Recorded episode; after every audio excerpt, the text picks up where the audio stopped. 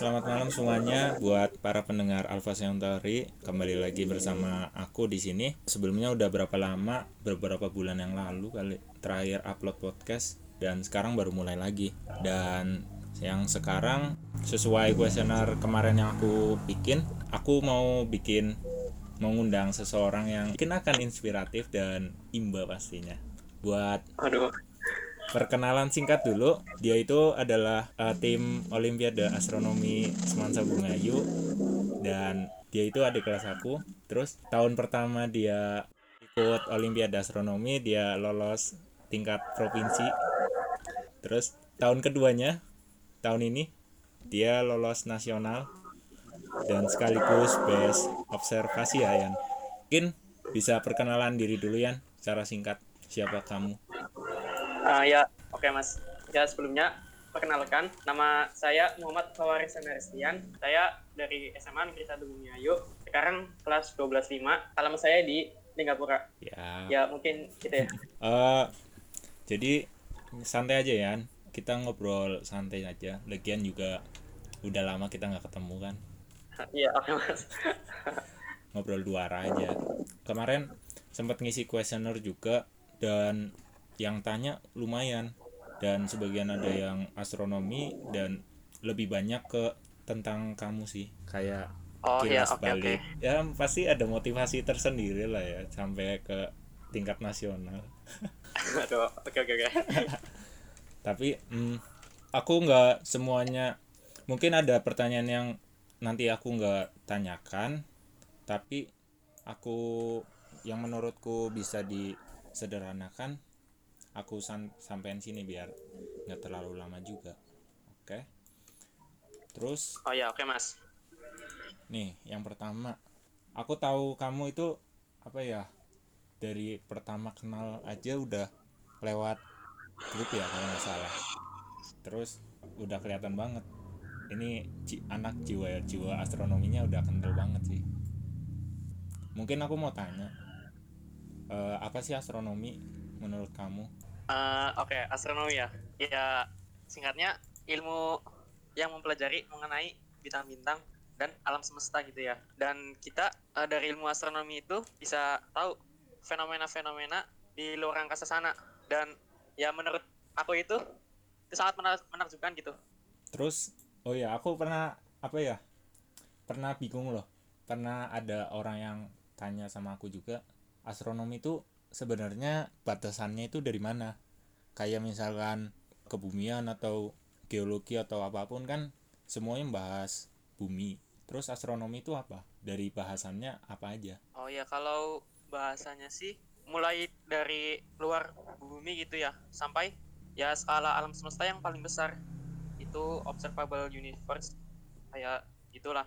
Tapi sebenarnya astronomi juga mempelajari hal-hal yang kecil ya seperti di dunia kuantum juga di astronomi itu dipelajari juga sampai skala yang besar skala alam semesta itu sendiri. Wih, lumayan luas ya. Iya. Iya luas banget. Jadi kalau astronomi itu kalau aku simpulin ya, aku simpulin berarti Oh, ya. astronomi itu di dari luar bumi bisa dibilang dari luar bumi keluar ya. Iya benar sekali.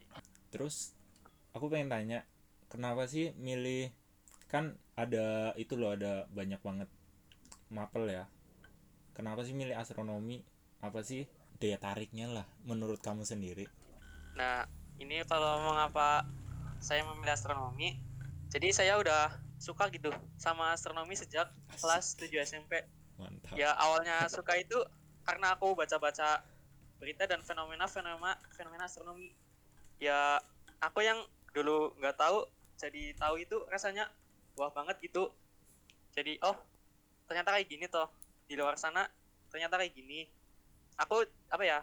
Jadi membakar semangat saya buat apa ya eh, lebih tahu mengenai astronomi gitu Asik. ya astronomi itu membuat saya takjub akan ciptaan Tuhan yang sangat-sangat indah Asik. Jadi bikin inget ya. Terus ada lagi nggak? Banyak. Eh, Hal yang alasan-alasannya? eh bikin saya suka. Iya. Eh, ya mungkin itu ya. Ya intinya saya takjub aja gitu sama astronomi. Aturan keteraturan sama harmoni di alam semesta ini membuat saya benar-benar sangat tertarik buat mempelajari. Emang sih asik. Astronomi itu asik Oke, oke. semua. Eh, ya benar sekali mas. Asik beneran Wah, ingat waktu dulu itu aku pas pertama kelas 10 pernah diajak juga sama teman ikut olim biologi tapi wih. eh tahu-tahu ada astronomi. Walaupun aku nggak ngerti astronomi secara garis besar tapi ya minat aja. Walaupun pas udah sampai dalamnya ada sedikit penyesalan aduh. Nanti nanti ada bagiannya nih. Kenapa nyesel terus nih ada yang tanya.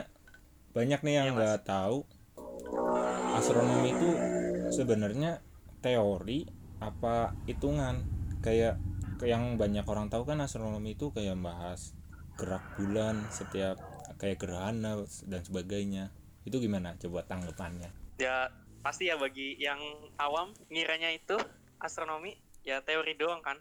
Ya seperti di SMP misal. Kan kita belajar tata surya gitu nama-nama planet terus nama-nama bulan. Tetapi ya aku juga sama. Dulu pas masuk SMA pas nyobain olim astro ternyata wah hitungannya banyak banget. Ya ya sebenarnya hitungan itu malah yang penting gitu di astronomi. Iya. Dengan hitungan ya kita jadi tahu ini kejadian ini bisa dijelasin gitu kenapa terjadi. Nah itu lewat hitungan kayak gitu. Ya intinya ya banyak hitungan. Ya itu. Itu yang sebagian Iya. alasan aku juga pas sudah tahu astronomi gimana berat juga. Ingat waktu itu nggak eh, yang pas lagi di provinsi olimpiade? Itu jujur wah gila ini susah banget. Kayak kalau mau nangis nangis nih oh iya mas waktu provinsi ya? Iya. Ya ya, ya. pusing. Sekarang kan udah jadi anak olimpiade ya. Udah ah, udah tingkatannya udah nasional lagi. Mantap. Terus? Alhamdulillah mas. Aku mau tanya nih anak olimpiade itu gimana? Ambis-ambis atau gimana? Mungkin bisa dijelaskan dulu dari kan kamu udah banyak kayak ikut pelatihan dan sebagainya kan ya? Udah punya temen juga yang seper mapelan mungkin bisa dibedain ambis-ambis di mapelnya kamu dan ambis-ambis di tim olimpiadenya Semansa sendiri. Bu- buat itu ya ambis sebenarnya nggak beda jauh sih. Tetapi yang dari teman-teman saya yang dari luar tim semansa itu lebih intens aja gitu ambisnya ya aku lihat gitu ya. Eh ya, saya lihat itu ya. Di teman-teman dari luar tim semansa mereka itu seperti lebih siap aja gitu. Mereka sama ya sekolah-sekolah di luar kan banyak ya. Ya yang uangnya banyak sekolahnya kasih fasilitas ke mereka. Banyak pelatihan banyak buku. Ya agak unggul sedikit sih.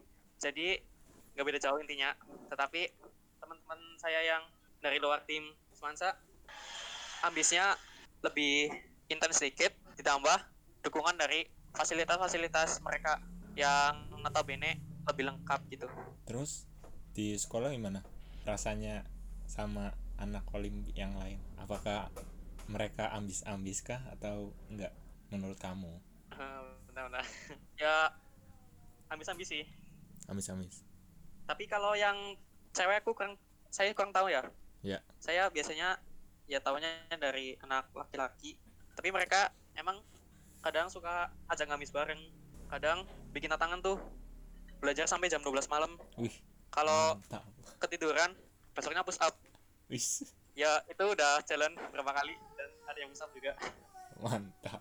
ya ambisinya nggak kalah kok sebenarnya sama yang luar gitu. Nih, nih pertanyaan nyambung nih. Eh, berarti olim anak olimpiade itu pinter-pinter apa gimana? eh, ya pinter tetapi di bidangnya gitu ya. Bukan pinter misal di sekolah maksudnya pinter semua bidang gitu. Pinter matematika pinter fisika pintar biologi pintar kimia. Tapi anak-anak olimpiade itu pintar di bidangnya. Misal ada anak biologi ya dia pintar di biologi. Ya belum tentu kan anak olim biologi jago di matematika. Ya kayak gitu. Eh, berarti kalau misalkan kita pengetahuan masih kosong apa masih bisa ikut olimpiade? Apa enggak? Kalau pengetahuan masih kosong ya? Iya. bisa nggak ada yang nggak bisa. Asik. intinya yang Pasti mau bisa. berusaha aja ya. Ya bener mas. Yang mau berusaha. Siap. Next ya. Oke, Iya, Mas. ini pertanyaan dari temanku ternyata. Lumayan berat tapi simpel sih. Astronomi banget nih. Komet Halley terbakar satu persen per harinya saat melintasi perihelion tapi mengapa saat 76 tahun kemudian komet Halley kembali beredar dengan masa semulanya simpel kan coba jawab Ah, ulangi mas Eh, komet Halley boleh ulangi Komet Halley terbakar satu Iya. persen perharinya saat melintasi perihelion. Tapi mengapa Oke. saat 76 tahun kemudian komet Halley kembali beredar dengan masa semulanya? ini mungkin ya bukan jawaban pasti ya tapi ini menurut saya aja Yap. ya waktu komet Halley mendekati matahari. Dia itu kan terbakar dan masanya ya hilang ya. Yap. tapi waktu dia menjauhi matahari itu si komet ketemu banyak material-material tuh kayak debu es dan lain-lain. Nah itu letaknya emang di apa ya jauh dari matahari. Nah waktu si komet Halley memasuki daerah itu ke daerah Sabuk Kuiper ya. Yap. dia itu menangkap debu-debu dan batuan es-es kecil nah jadi kan ya karena ada gaya gravitasi ya debu-debu batu-batu dan es-es itu tertarik ke komet Halley dan jadi satu bagian dengan komet Halley ya makanya masanya bisa bertambah lagi gitu ya berulang-ulang siklus kayak gitu Kayak semacam apa ya? Ya emang siklus ya kayak gitu ya. Dulu pernah iya kayaknya pernah dengar juga pernah di sama KBC sih iya mas kayak ya. gitu. Terus buat FYI aja buat informasi buat yang dengar ini. Jadi komet asik. itu punya dua apa ya dua tipe ya. Tipe dengan periode pendek dan periode panjang. Kalau periode pendek itu kurang dari 200 tahun kalau nggak salah ya. Terus yang periode panjang itu lebih dari 200 tahun. Dan penjelasan yang tadi kenapa nggak habis-habis masanya itu seperti yang dijelaskan tadi sama Mas Tian. Sebenarnya astronomi itu easy-easy lah ya terus bedanya astronomi sama astrologi apa Waduh itu kayak sangat beda ya. Astrologi itu mempelajari bintang-bintang, tetapi buat memprediksi suatu kejadian yang akan terjadi di masa depan. Tapi kan nyatanya itu enggak ya. Eh, di ya astronomi mempelajari bintang, mempelajari ilmu yang sebenarnya bukan untuk ramalan atau prediksi-prediksi nggak jelas seperti astrologi. Di astronomi ya misal kita mempelajari bintang, kita mempelajari biar bintang ini misal sifat fisiknya apa aja sih? Temperaturnya berapa? Spektrumnya apa? Terus kecepatannya berapa? Nah dari informasi informasi yang didapat ya itu kan menjadi sumber ilmu pengetahuan ya. Yap. bagi kita. Sedangkan astrologi nggak sama sekali.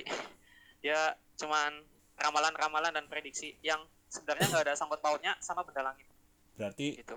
yang cerita-cerita kayak wah, ah, kayak komet misalnya komet Halley itu kan kayak waktu itu pernah kayak ada cerita misalkan saat datang mendekati bumi akan jadi perang ya? Itu astrologi ya?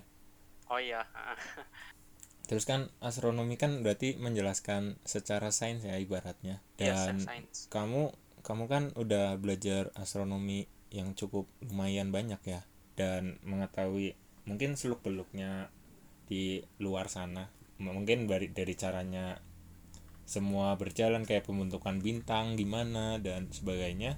Mungkin nih aku pertanyaan dari pribadi ya itu justru mendekatkan kamu ke yang di atas atau menjauhkan kamu? Maksudnya kayak misalkan kan kita kalau biasanya kalau orang tahu secara saintifik mengetahui proses berjalannya sesuatu kayak misalkan bagaimana matahari terbentuk bagaimana tata surya terbentuk kan biasanya kayak kayak siapa tuh? Stephen Hawking bisa nggak percaya sama yang membuat gimana? Ya kalau saya sendiri malah justru bikin lebih percaya ya. Ya kita lihat aja peraturan alam semesta orbit-orbit planet orbit-orbit bintang pengembangan alam semesta. Gak ada yang udah ngatur.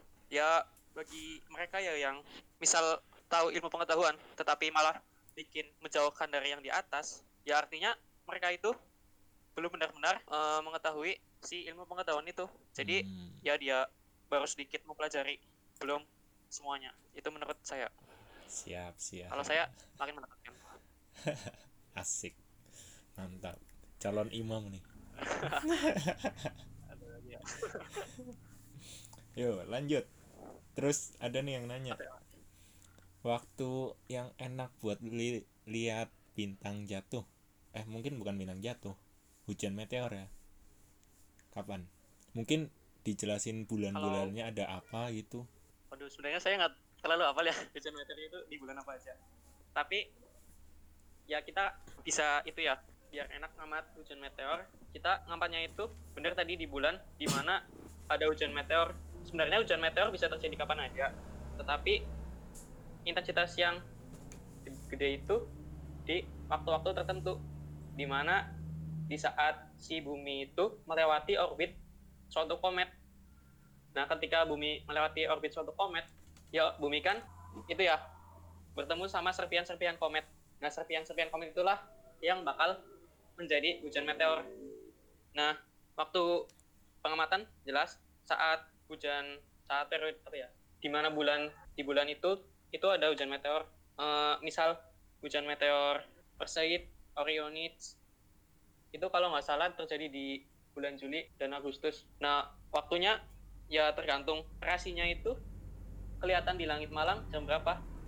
Kan tadi ada misalnya hujan meteor Orionid kenapa disebut Orionid yaitu karena hujan meteornya titik radian tertingginya itu titik hujan meteor itu ada di rasi Orion hmm di mana intensitasnya itu paling besar. Nah, waktunya kapan? Ya saat rasi Orion itu udah agak tinggi di langit malam. Tetapi buat keseluruhan sih ya, paling bagus buat ngamat hujan meteor itu selepas tengah malam. Itu ada teorinya sendiri. Kalau nggak salah ya, karena gerak e, revolusi bumi mengelilingi matahari, di mana bagian bumi yang sedang mengalami tengah malam itu atau setelah tengah malam itu nanti lebih banyak bertemu dengan serpian-serpian komet.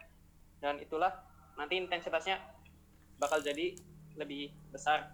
Jadi kemungkinan mendapatkan meteor itu lebih tinggi. Kayak gitu. Hmm, berarti dinamainya sesuai itu ya? Dinamainya sesuai dengan rasi yang ada di situ ya? Iya. Misal bisa kita kalau pengen cari tahu itu kapan ya di Instagram media sosial yang lain itu banyak info-info astronomi atau Google bisa. Uh, banyak juga sih. Kalau teman-teman mau lihat lumayan banyak ya. Kayak eta aquari terus tadi. Ya, itu mas benar. Uh, terus oh iya jadi keinget. Uh, waktu itu aku pernah ngobrol sama teman.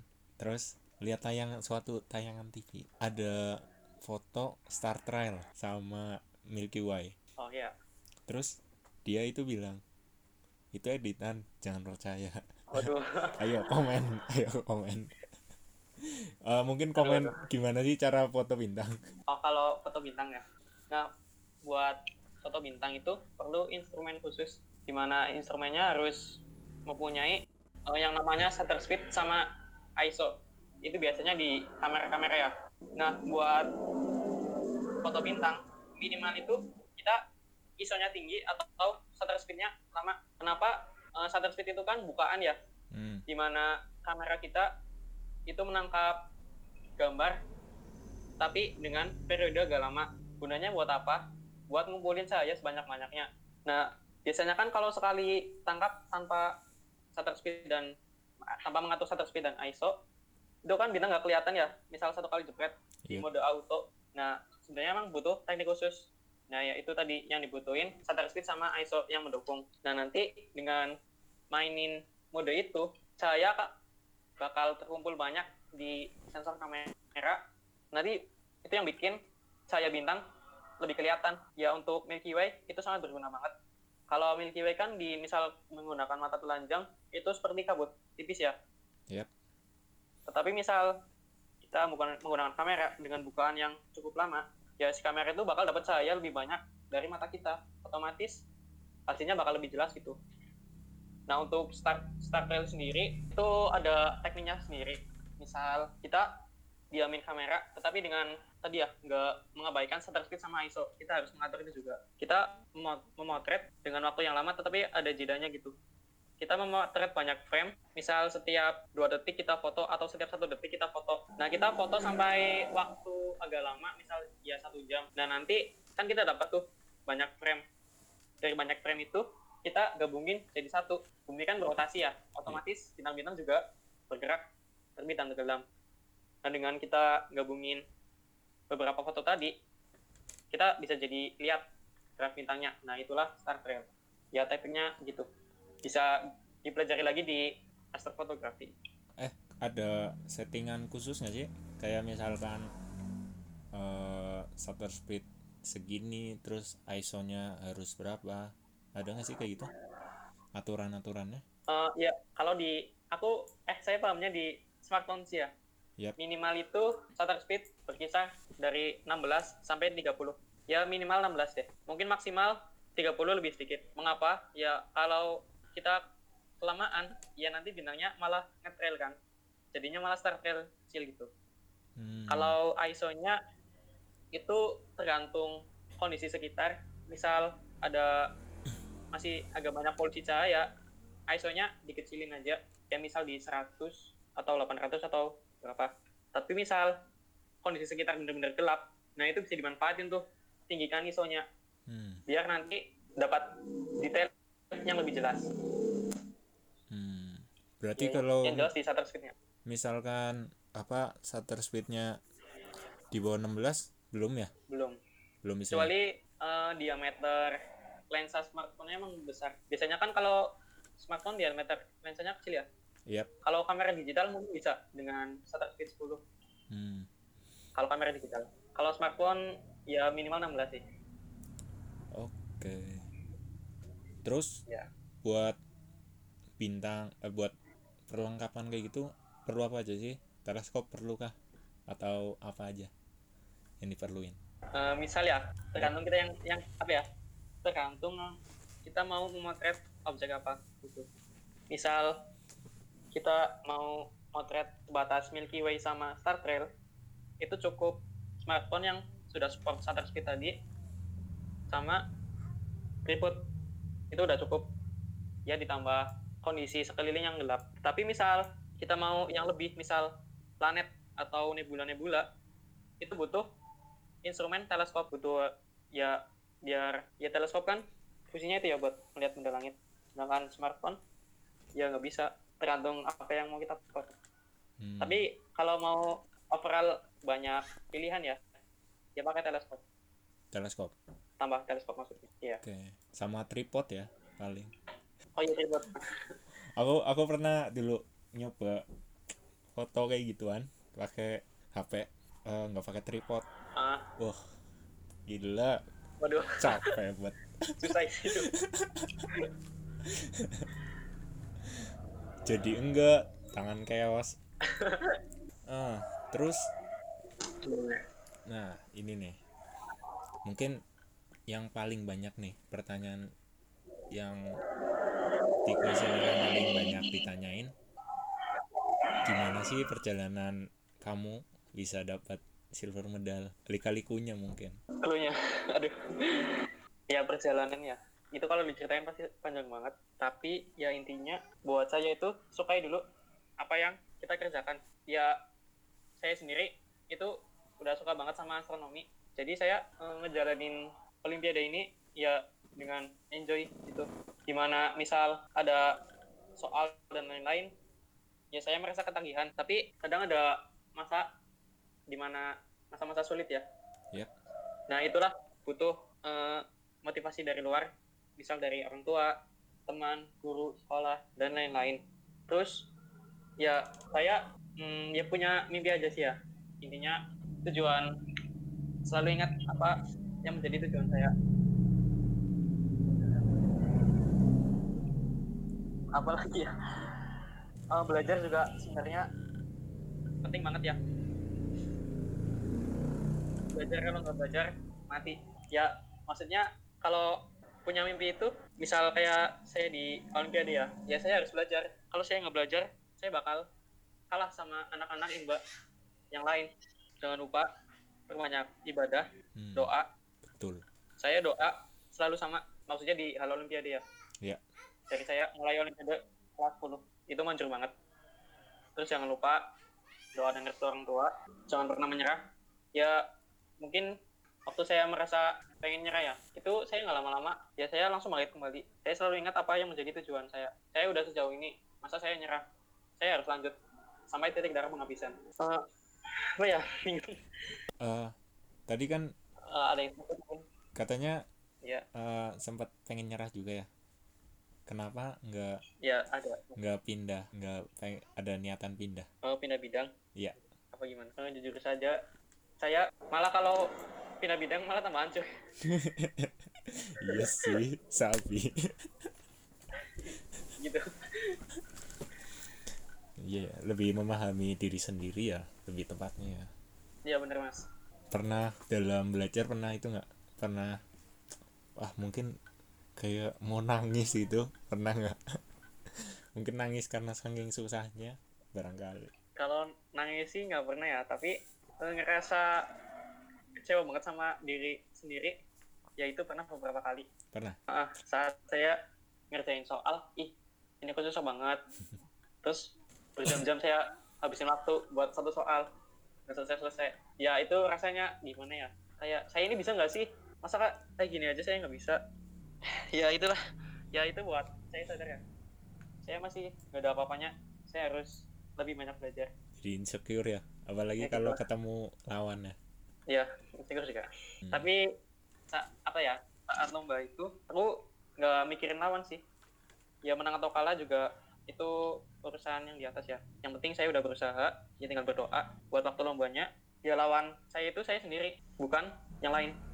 Hmm. jika saya bisa mengontrol diri saya sendiri semuanya akan berjalan lebih baik. Oh iya Yan. Kamu kalau ah, Ya, kamu pas kabupaten itu masih on udah online apa belum? Apa masih di tempat? Masih di tempat. Tempat ya? Enak banget waktu itu jalan-jalan Ah, jati barang? Ah, enggak mak- maksudnya waktu itu enak jalan-jalan. Oh jalan-jalan. Tempatnya di di mana? Ah, di Brebes. Brebes ya? SMA 2 kalau nggak salah. Oh SMA dua. SMA 2. masih enak lah ya. Nah, enak. Sebelumnya sebelumnya itu nginep di hotel gitu. Tapi pas OSN nggak bisa lagi. Sama OSN sakit. Tujuan olimpiade emang jalan-jalan. Ya itu salah satunya. Terus provinsi ya baru ya? Provinsi udah online ya?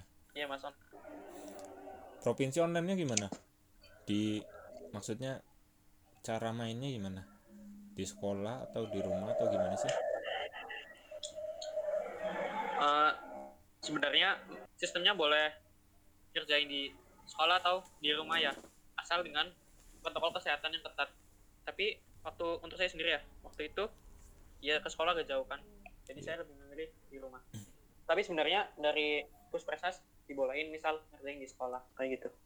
Bukannya online gitu malah makin banyak yang licik ya atau gimana sih biar nggak kejadian kayak gitu Nah, itu mungkin agak susah yang jelas. Tapi langkah dari Puspresna sendiri waktu OSP atau KSP itu Yap. bikin fakta integritas. Nah, fakta integritasnya itu dipakai apa ya itu namanya? Saya lupa.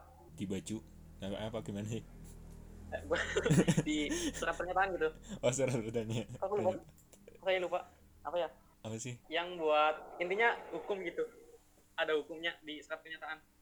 oh Oh, materai iya, stempel. Oh iya materai. Iya materai materai.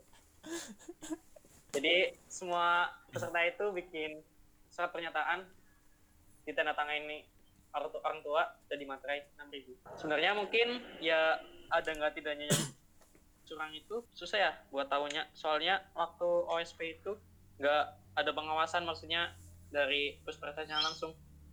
Yang mengawasi ialah orang tua masing-masing. Nah waktu OSN atau KSN itu kan udah ada pengawasan ya, di mana peserta itu wajib ada kamera yang mengawasi. dan kameranya itu terhubung sama zoom gitu. Tapi waktu KSP kurang tahu. Eh Kurang tahu KSP berarti nggak ada guru ya? Nggak ada. Oh kirain. Berarti tapi buat saya ya, dari semansa khususnya. Itu ada pembina osis yang datang ke rumah buat mastiin bahwa semuanya lengkap jaringan juga bagus dan aman gitu. Oh di handle lah ibaratnya ya. Dia di handle tapi bukan buat ngajarin kok. Pakai kok datang apa enggak? Pakai kok enggak? Oh enggak. Terus. KSN gimana KSN sama kayak KSP apa beda? Ya cuman KSN saya sama teman-teman saya yang lolos itu ke sekolah semua. Soalnya lebih krusial ya kalau KSN jadi ya sekolah juga mau bisa ngawasi langsung di Hmm. sekolah bisa fasilitasi langsung. Kalau di rumah kan ya agak jauh ya. Sekolah mungkin agak susah. Jadi ya oke lah. Saya sama teman saya setuju buat ngerasain di sekolah. Akhirnya ngerasain di sekolah. Dan itu sekolah baik banget sih. Gimana? Eh, saya kan butuh pentat gitu ya? Iya. Eh sekolah tuh beliin. Wis. Aduh. Mantap. mantap. Ya saya sangat mengapresiasinya. Keren sih. Keren keren. Ya demi siswanya gitu. Sampai ya apa pun diturutin. Nah, itu berarti eh, sama teman-teman yang lain satu kelas kah? Apa beda kelas? Maksudnya pas Eh, beda kelas Oh beda. Ah, ah, beda kelas Hmm. KSN berapa hari? Eh, sekitar lima hari ya tetapi tesnya cuma tiga hari Tes tiga hari. Ngapain aja? eh nggak ding tes dua hari kalau astronomi ya bidang Ya. lain nggak tahu Berarti hari pertama, hari kedua itu tes. nah buat dari pertama itu pembukaan semua mapel eh semua bidang Hmm. Nah, hari kedua kalau astronomi sendiri itu tes teori, terus hari kedua tes analisa data sama observasi. Tapi beda ya sama bidang lain mungkin. Soalnya sehabis pembukaan juga ada suatu bidang yang langsung tes gitu. Jadi beda-beda. Berarti itu eh, berapa tes itu? Tiga tes? Satu hari itu ya? Atau dijadiin dua hari? Eh, tes teori di hari kedua kan, Iya. tapi di hari oh ya di hari ketiganya itu analisa data sama observasi dua. Oh, dua Kalau itu. tes teori satu doang satu hari. Tes teori ngapain? Ngerjain soal isai. Isai. Oh, Ah, ah, isai berarti semua. teori semua ya? Iya teori semua. Teori Hmm. tapi hitungan. Oh, hitungan juga. hitungan semua mungkin. Malah. Terus analisa ana andat ya, analisa data itu ngapain? Ah. Nah analisa data ya dari namanya aja analisa ya. Jadi peserta disuruh menganalisis data-data yang udah diberi, diberikan di soal. Nanti datanya diolah terus dari data itu ada pertanyaan-pertanyaan yang harus dijawab. Nah, analisa data ini beda banget sama tahun sebelumnya. Di mana karena online, jadi boleh memakai Excel. Itu kan lebih gampang ya. Excel. mungkin tadi bagi yang jago aku wa- waktu itu kurang jago tapi ya udahlah tak maksimalin tapi enak sih analisa data tahun ini bisa pakai Excel Aku aku belum belum tahu banget nih. eh itu gimana sih maksudnya analisa data? Kayak dikasih soal kah? Terus dianalisa atau gimana sih? iya mas jadi ada soal ya nah soalnya itu ada data misal misal aja data posisi posisi komet setiap wak- apa ya? Setiap periode tertentu gitu. Nanti ada data terus kita olah datanya. Diolah maksudnya biar bisa buat jawab pertanyaan-pertanyaan yang ada. Atau ada juga yang namanya ngeplot ya. Oh iya. upload itu misal ada data kita disuruh cari fungsi data itu. Biasanya fungsinya bisa linear logaritmik atau malah tidak keduanya.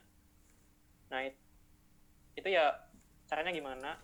Ya kita olah datanya biar kit- kita bisa dapat fungsinya itu. Nah itu ada rumus-rumusnya ya.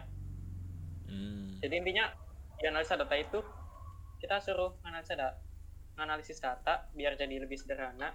Dan dari data-data itu yang udah kita proses dan dapetin data yang lebih matang itu buat datanya buat ngejawab soal-soal yang ada. Kalau langsung ngejawab soal ya nggak bisa soalnya datanya masih data awal. Oh, bisa dijawab. Ah, kayak jadi gitu. butuh informasi dari data yang kita olah. Berapa jam ya? analisa data dari jam 7 sampai jam setengah 11 Wih, soalnya dua doang padahal. Lama juga. Saya juga nggak ada yang nggak kejawab loh Oh, itu belum ada ada yang nggak dijawab? Iya sub soal di nomor 1 sama 2 ada yang nggak kejawab Susah ya. susah ya Terus itu gimana tuh? Yang satu lagi yang observasi kan biasanya pakai teleskop dan sebagainya. Ini nah ya observasi gimana? juga ah, observasi sangat beda banget sama tahun lalu di mana kita nggak keluar ruangan. Nggak pakai teleskop. Hanya di depan laptop monitor. Jadi observasinya itu di apa ya di ada juri di zoom. Nah nanti pesertanya dibagi beberapa ruangan di breakout room ya. Yap. jadi jurinya juga beda-beda tetapi soalnya sama. Jadi nanti jurinya yang ngasih soal terus kita peserta jawab memakai kertas HVS atau menjawab memakai instrumen yang udah dibuat sebelumnya di workshop Hmm. jadi ada instrumen kan sebelum observasi nah kemarin itu instrumennya bikin sextant sama sundial kayak seperti jam matahari Bikin pakai apa? Nah, bikin pakai kalau sextant ya, Iya. bikin pakai busur. Terus yang apa ya tengah bawahnya itu dibolongin, terus kita masukin tali tali kasur, terus ada double tip, sedotan juga buat lihat ke objeknya. Oh. Dan nanti di tali kasurnya yang udah diberi pembe- pemberat, pemberatnya kemarin menghapus. Nah nanti waktu kita ngarahin sextant ke objek langit, nanti talinya akan geser kan. Iya. Nah di busur itu kan ada angka. Nah angka itu bisa jadiin informasi buat tahu ketinggian si objek ini berapa. Kreatif. Nah kalau juga. sandayal, nah, kalau sandayal itu dari kan pas dibikin lingkaran ya. Ya. Terus di tengahnya dikasih paku buat bayangan. Jadi nanti waktu kita nyenterin sandayalnya itu akan terbentuk bayangan. Nah bayangan ini berfungsi buat tahu eh, posisi matahari itu lagi ada di mana. Hmm. Gitu. Heeh. Terus lanjut tadi gimana? ya itu ya sebelum observasi ada workshop dapetin itu beberapa soal memakai instrumen yang tadi terus nah yang lainnya itu jawab pakai kertas HVS jadi kita nulis di HVS jawabannya pakai spidol nanti kertas HVS-nya diangkat ke kamera Hmm. waktu udah waktunya jawab gitu misal disuruh jawab nanti diangkat buat soal yang lainnya soal teori sih seperti tapi ada hitungan kan maksudnya teori hitungan gitu Iya. misal disuruh bulan di tanggal ini terbit jam berapa terus ketinggiannya berapa. Oh. terus eh, terus apa ya? Itu kita dikasih kayak stellarium simulasi langit. Stellarium. Heeh. nah tapi yang ditanyain itu di planet luar gitu. Planet luar. iya bukan di bumi. Jadi kita disuruh tentuin kutub rotasi si planetnya. Jadi dikasih stellarium terus dicepetin bintangnya muter-muter terbit tenggelam tenggelam itu bikin pusing sih nah dari itu disuruh tentuin kutub rotasinya sama kasih bintang terdekat dengan kutub rotasi Hmm. gitu Mm. Penilaiannya gimana sih? Apa yang dinilai? Tahu nggak? kurang tahu sih tapi menurut saya sendiri eh, kebenaran jawaban sama kedekatan nilai juga maksudnya rentang nilainya itu mendekati jawaban benar apa enggak Hmm. terus di instrumen terutama. Nah kita gunain instrumennya itu benar apa salah? Kalau melenceng jauh instrumennya ya kita mungkin nggak dapat nilai mungkin. Hmm. Iya ya paham.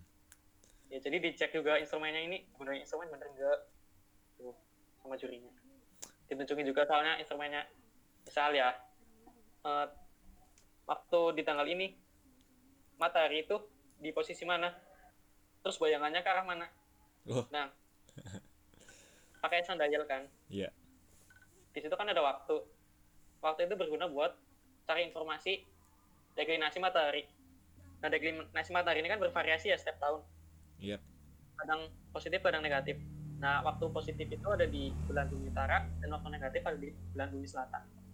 Nah kemarin kebetulan deklinasinya minus tapi gak gede gitu. Jadi si matahari ada di bulan bumi selatan nah pengamatnya waktu itu ada di ekuator Hmm. otomatis matahari ada di sebelah selatan timurnya kan iya Nah, mataharinya kita pakai center, centernya ibaratnya matahari. Terus di sundial ada titik kardinal, utara, selatan, timur, barat. Nah, waktu itu jam 2 kalau nggak salah, posisi matahari jam 2. Ya, berarti centernya dinaikin ke arah selatan dikit dari timur, terus arahin ke jarum yang ada di tengah. Nanti kan buat bentuk bayangan ya. Nah, itulah posisi matahari di tanggal tersebut. Nah, bayangannya juga menunjukkan bayangan matahari pada tanggal tersebut. hmm. Kayak gitu. Nah, nanti disuruh apa ya? Tunjukin ke kamera. Hasilnya gimana? mantap sih best observasi Iya. loh bisa kayak gitu asik banget lah Iya, asik kita jadi tahu banyak hal. Hal-hal yang sepele, matahari nih lagi tenggelam, matahari ada di mana. bisa lah ya kawan-kawan berguru Ah, aduh. tuh yang mau bisa jadi motivasi ya kayak gitu juga berarti ini lagi banget. nungguin pelatnas ya Iya, Mas. Nungguin pelatnas. udah ada tanggal tahu belum Udah tanggal 5 Desember sampai 19 Desember. oh pelatnas satu Iya, pelatnas satu. hmm. kalau offline internasional mana ya Di Bogota, Kolombia. Wih. Semoga Doain ya, Mas. offline. Amin. Amin, Lanjut makasih. lah. Platnas berarti di Jakarta ya? Apa di mana? Eh, pelatnas satu Iya. Online, Mas. Oh online. ya, iya, aduh. ya lah ya. Aduh, berat. Katanya pelatnas dua baru offline. Oh. Semoga lolos ya Platnasnya. Iya, amin. Makasih. Oke. Lanjut. Eh, Oke, Mas. sampai kamu di titik ini eh, buku buat belajar apa aja? Eh, buku ya, Yap. agak banyak. Ya, saya sebutin ya.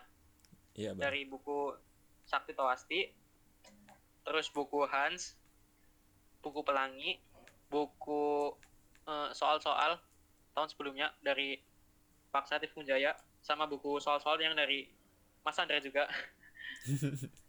yang waktu itu dikasih ya Oh, sama saya. iya. Sama terus buku buku fundamental astronomi Hmm. itu saya ngeprint sendiri. Ih, Nah yang lainnya Mantap. itu ya tes sebatas textbook ya, hmm. e-book gitu. Buku-buku e-book. Rata-rata bahasa Inggris sih. kebanyakan. bahasa Inggris ya. Emang bahasa Inggris semua kan? Iya, iya. aduh.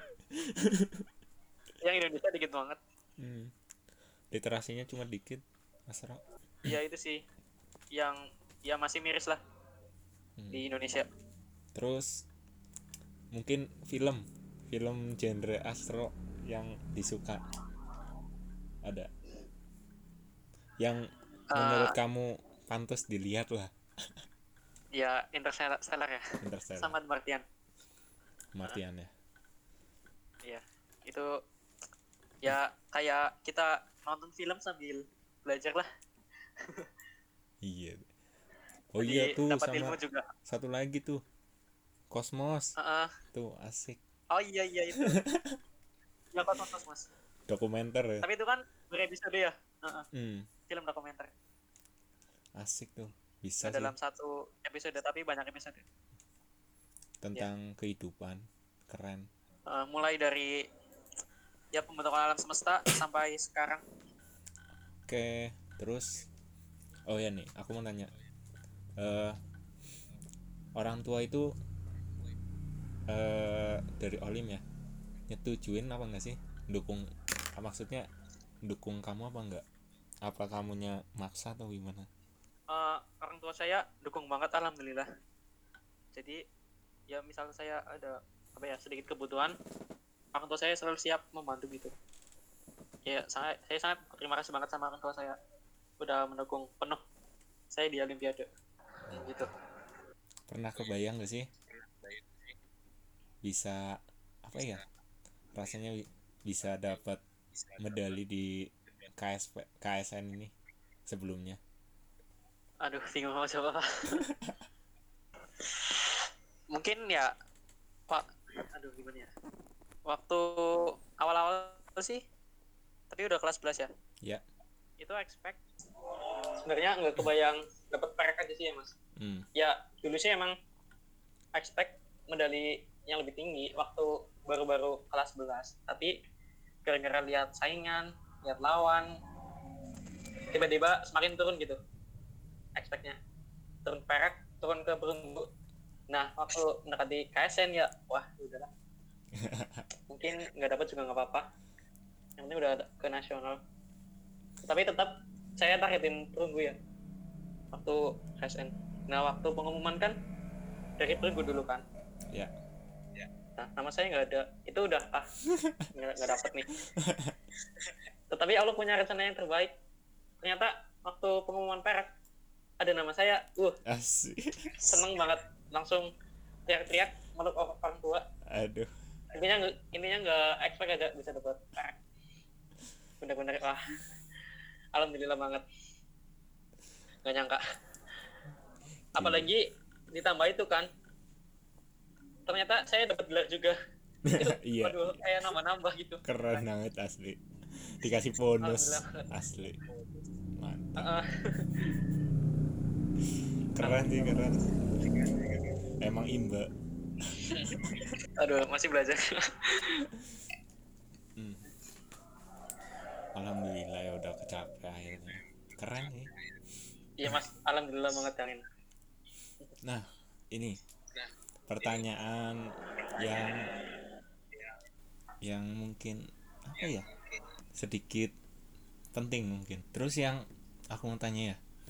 Sembad Eh, sebanding gak sih apa yang kan kamu banyak ikut pelatihan dan sebagainya.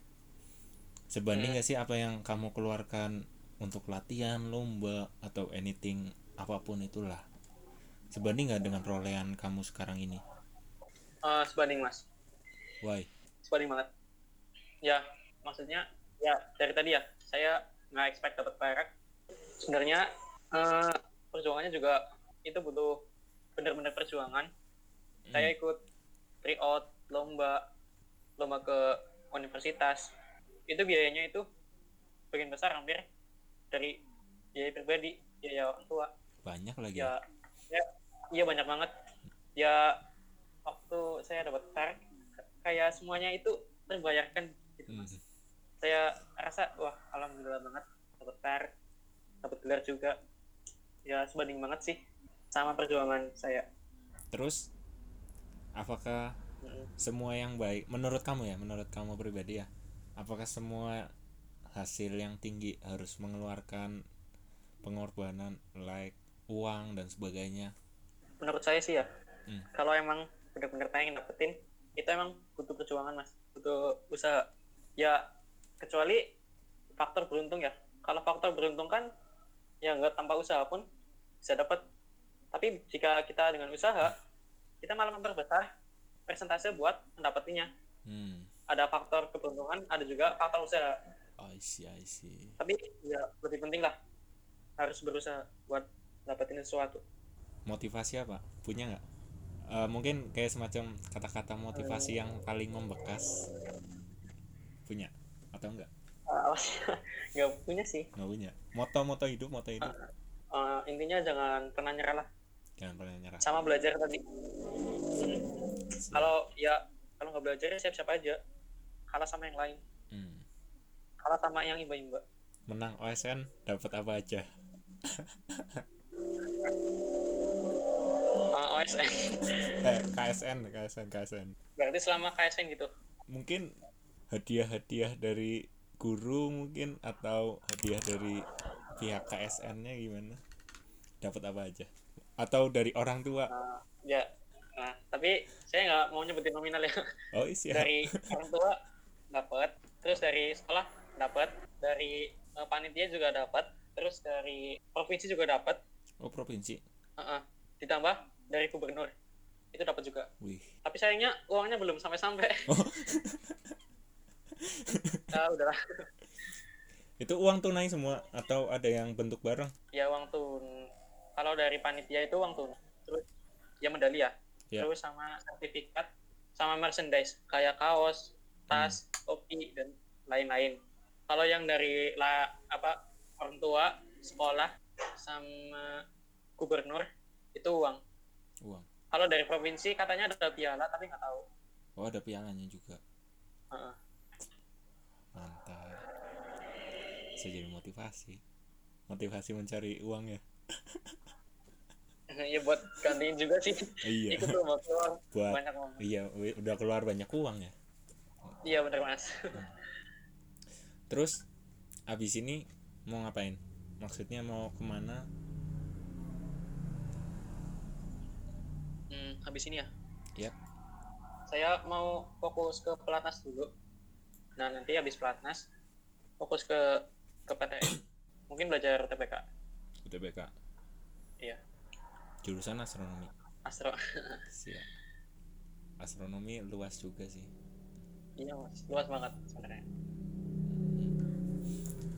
Dan terakhir nih pertanyaan terakhir. Bumi bulat atau bumi datar? Guys. uh, bulat tapi nggak bulat sempurna ya. Siap. Bentuknya kayak telur itu. Karena kan ya permukaan di bumi kan nggak rata kan. Bincul-bincul lah. Jadi nggak bulat sempurna.